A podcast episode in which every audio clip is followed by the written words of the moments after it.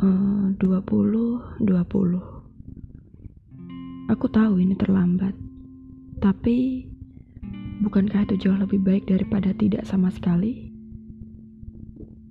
Baiklah, sebelum melanjutkan apa yang akan aku ucapkan, aku akan bertanya padamu lebih dulu.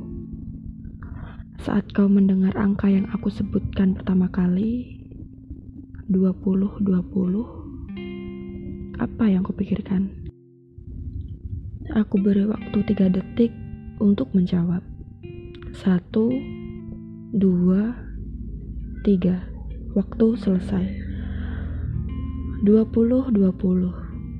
Mereka bilang tahun 2020 hanya ada Januari dan Februari.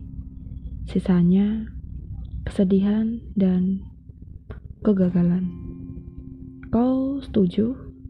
Aku tidak. Memang benar, kegagalan di mana-mana gagal mewujudkan rencana, gagal masuk kuliah tatap muka untuk bertemu langsung teman baru,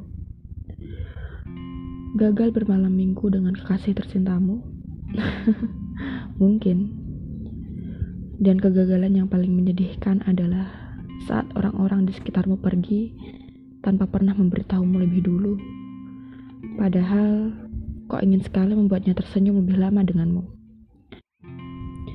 Tapi Bukankah kau sadar, 20-20 juga yang menjadikanmu lebih kuat, lebih bersyukur untuk menghargai waktu. Aku benar kan? Setelah tahun berlalu, tahun 2021 ini, kuharap aku, kau, dan semua orang sudah belajar bahwa hidup hanyalah titipan.